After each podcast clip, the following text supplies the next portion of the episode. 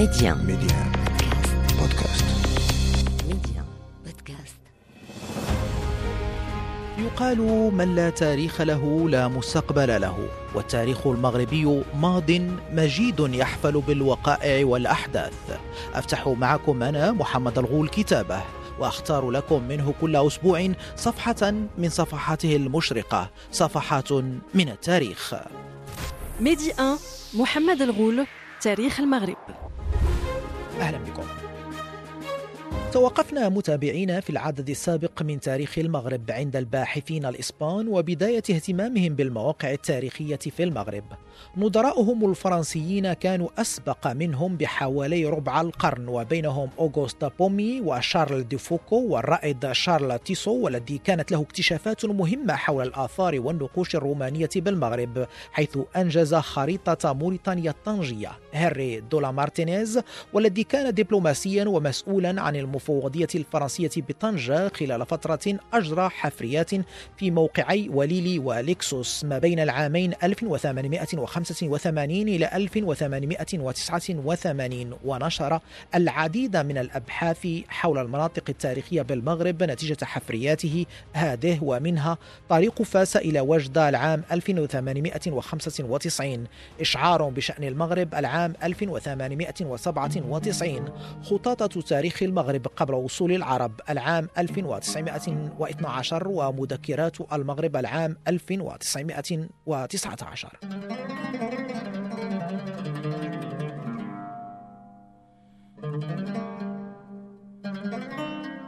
موريس بيسينيي كان ضمن بعثة علمية للمغرب. هذه البعثة التي نشرت الأرشيف المغربية من العام 1904 إلى 1936 تحت إشراف عالم الاجتماع ميشو بيلر.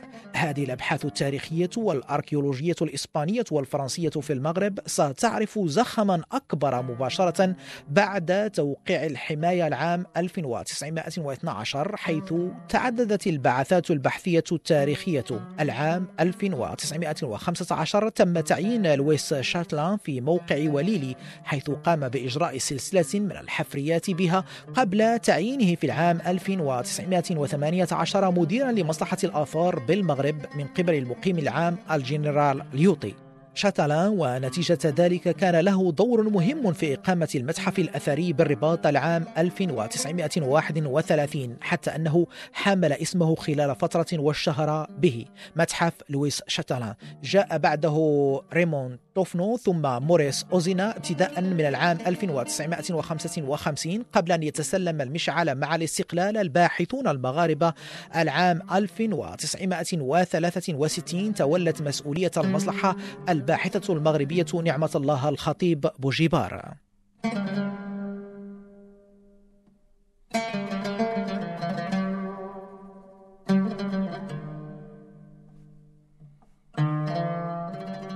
مصلحة الآثار في المغرب خلال الفترة الاستعمارية فترة الحماية ونتيجة كل ما ذكرنا سالفا كان لها دور هام في الكشف عن الكثير من المعطيات حول التاريخ المغربي خاصة فترة ما قبل التاريخ وخاصة منها الأبحاث حول النقوش الصخرية للأطلسي الكبير والمواقع الساحلية بالمتوسط والأطلسي مواقع المراكز التجارية الفينيقية والقرطاجية كما مواقع الحضارة الإسلامية. هنري تيراس وهنري باسي كانوا ممن اهتموا بأركيولوجيا الفترات الإسلامية بالمغرب وما قبلها أي الفترة الرومانية.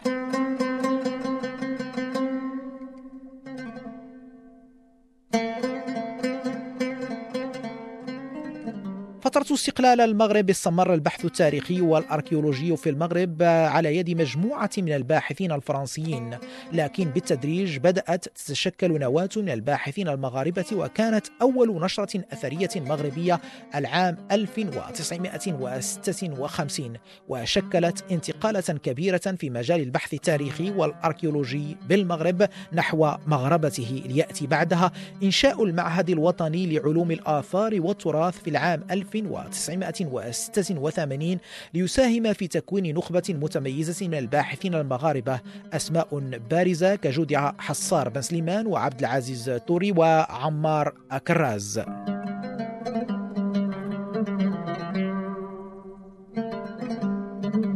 ذكرنا في إطار متابعتنا هذه أن البحث العلمي والأركيولوجي التاريخي بالمغرب مكن من الكشف عن كثير من أسرار التاريخ الإنساني والبشري. في التاريخ المغربي أظهرت هذه الأبحاث أن المغرب يعد مهدا للبشرية. فريق بحث مشترك مغربي فرنسي تمكن من الكشف عن بقايا أقدم إنسان عاقل بموقع جبل إيغود يرجع تاريخها إلى حوالي 315 ألف سنة. ورغم أهمية النتائج والأبحاث في السنوات الأخيرة إلا أن هذا البحث ما يزال يعاني من بطء في وتيرة الدراسات وما زال التعاون محتشما بين الجامعة ومعهد الآثار ومجمل برامج البحث تجرى بشراكات دولية لكن ذلك لا يمنع من الإشادة بما تحقق من الاكتشافات حتى الآن سواء منها التاريخية بعدد من المواقع كوليلي لكسوس وتمسنا وغيرها كما بمواقع مغارة طوما بمنطقة الدار البيضاء موقع جبل إيغود الذي سمح بتحديد التواجد البشري في المغرب بأزيد من 300 ألف سنة كما ذكرنا. موقع مغارة بمنطقة تفوغالت شمال المغرب وهو موقع سمحت الأبحاث به من التأريخ لأقدم عملية جراحية في التاريخ الإنساني قبل 15 ألف سنة. تدخل جراحي تم على مستوى الرأس بل أن إنسان هذه المغارة كان يقوم بنوع من تدخلات طب الأسنان حتى أنه بنفس المغارة تم العثور على أقدم الحلي في التاريخ الإنساني. مجلة The Science الأمريكية نقلت مثلا أنه تم اكتشاف في موقع قرب الرباط على أدوات من العظام كانت تستعمل لصنع وقطع الجلد والفرو في العصر القديم حيث كانت المرة الأولى التي يتم فيها اكتشاف مماثل. هذه تبقى فقط بعض الأمثلة مما مكنت الأبحاث الأركيولوجية من إثباته كوقائع تاريخية تؤكد قدم التاريخ البشري للمغرب.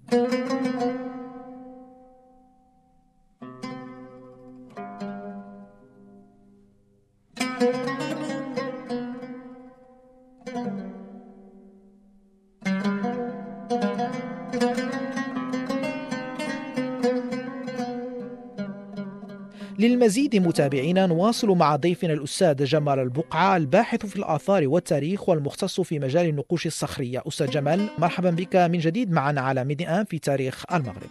مرحبا بك سي محمد ومن خلالك مرحبا بمتتبعيكم الكرام متتبعي اذاعه ميدي 1 بطنجة. أستاذ جمال عندما تحدثت عن الاستاذ زوجر تحدثت عن باحثين أجانب، هذا يذكرني بأن البحث أو تنقيب الأركيولوجي في المغرب بدأ فترة ما قبل استعمار المغرب وأثناء استعمار المغرب بمعنى الباحثين الأجانب. ربما لأهداف استعمارية في البداية كان بدأ هذا التنقيب، بعد ذلك استمر ربما لأبحاث علمية، هذا يعني بأن هناك ربما تراكم للأبحاث في الأرشيف الأجنبي، هل يتم الاستعانة به وربما البحث عنه واستغلاله للكشف عن أهمية التاريخ الأركيولوجي لهذا الوطن أستاذ جمال؟ طبعا ما قلته حول البدايات الأولى للبحث الأركيولوجي أو التنقيب الأثري بالمغرب هو فعلا يعود إلى إلى فترة الحماية. يعني تم توقيع معاهدة الحماية سنة 1912 كما هو متعارف عليه في الأرشيف وفي في الكتب التاريخية المتعلقة بتاريخ المغرب ربما المعاصر أو الرهين. ولكن تم تأسيس أول مصلحة تسمى آنذاك بمصلحه العاديات ولا service des, des antiquités كان أسس سنة 1915 وكانت هي البدايات الأولى للتنقيب الأثري بالمغرب ولكن الأهداف التي كانت وراء هذا التنقيب. ربما كانت أهداف ليست أهداف علمية بالأساس إنما كانت أهداف ربما إيديولوجية كانت تتعلق بالبحث عن استمرارية التواجد الروماني بالمغرب الذي كرسته الإدارة الفرنسية آنذاك بالمغرب. إذا لم تكن هناك نوايا حسنة للبحث الأثري في المغرب. انما كانت هناك نوايا أخرى عكس ذلك ولكن مع مرور الوقت اتضح جليا بأن البحث الأثري في المغرب هو بحث واعد لأن الدليل هو تأسيس أول معهد للبحث في علوم الآثار والتراث ربما في ثمانينيات القرن الماضي ومنه إلى الآن ومنذ ذلك الحين إلى الآن يعني تخرج باحثون وتمم دراستهم في إطار بعثات خارجية خارج المملكة وبالتالي حصلنا على باحثين مغاربة يعلمون علم اليقين بأن البحث الأثري في المغرب هو بحث متجذر هو الآثار المغربية هي آثار متجذرة هي مغربيه أصيلة وكل كل ما له علاقة بالايديولوجيا السابقه فالحديث عنها حاليا اصبح أصبح يعني في في حكم المجهول. يعني ولا الغائب نقدروا نقولوا بأن لم يعد لها وجود. أستاذ جمال سألتك هذا السؤال لأنني سبق لي وأن تابعت تصريحا لأحد المهتمين بالتنقيب الأركيولوجي في المغرب. هو مغربي يتحدث لبرنامج آه، تلفزي آه، يخبره بأنه تم العثور أو الفرنسيين عثروا في الأطلس على آه، بقايا حيوان الدب. وقاموا بأخذ ما عثروا عليه إلى الجزائر وبقي هناك في الجزائر. يعني هو عثر عليه هنا في المغرب لكن أخذ الجزائر لاعتبار أن في ذلك الوقت كان الاستعمار الفرنسي في المغرب والجزائر. لهذا ذكرت هذا الجانب آه، هل يتم العودة آه، لربما محاولة استعادة هذا الأرشيف الأجنبي خاصة الفرنسي في هذا المجال. آه، نظرا لأهميته وغناه رغم النوايا التي ذكرت بأنها ربما طبيعة الحال نعرف النوايا الاستعمارية أستاذ جمال. يعني في هذا في هذا الجانب لا بد من من الإشارة إلى أن الأبحاث الأثرية التي أنجزت في ظروف يعني حكمتها الإيديولوجية الأجنبية لا بد من التأكيد على أن من المحتمل تواجد مجموعة من اللقى الأثرية ومن البقايا ذات القيمة الأثرية المهمة التي تمت مصادرتها أو تم نهبها أو تم يعني تحويلها إلى إلى خارج المملكة. لأن ولكن ولكن هنا لا بد من الإشارة إلى إلى أن المملكة في هذا الجانب استطاعت استطاعت استعادة مجموعة من البقايا ذات الأهمية الأركيولوجية التي صودرت في فترات من هذا القبيل. إلا أنه في نفس الوقت آه، لهذا يجب أن نشير إلى أن البحث الأثري المنتظم والبحث الأثري المبني على قوانين وعلى تراخيص وعلى يعني رقابة الحكوميه أو رقابة الدولة أو رقابة القطاع المعين هو الذي يجعلنا نحتفظ بالبقايا هنا في المغرب. أما الأبحاث التي تنعدم فيها هذه الأمور فهي التي تسمح بنهب تراثنا ونهب خصوصا تراثنا الأثري. مسألة هذه البقايا هذا الدب رغم أنني أجهل يعني أجهل القصة ولكن ساؤكد سأؤكد بأن آه، هناك بعض الباحثين الأجانب الذين قاموا بنهب تراثنا وأشاروا إليه في في كتبهم وعلى رأسهم أحد الباحثين الفرنسيين الذي يشتغل المغاربة حاليا خصوصا الفاعلون الجمعويون الذين ينجزون أبحاثهم العلمية في هذا الجانب.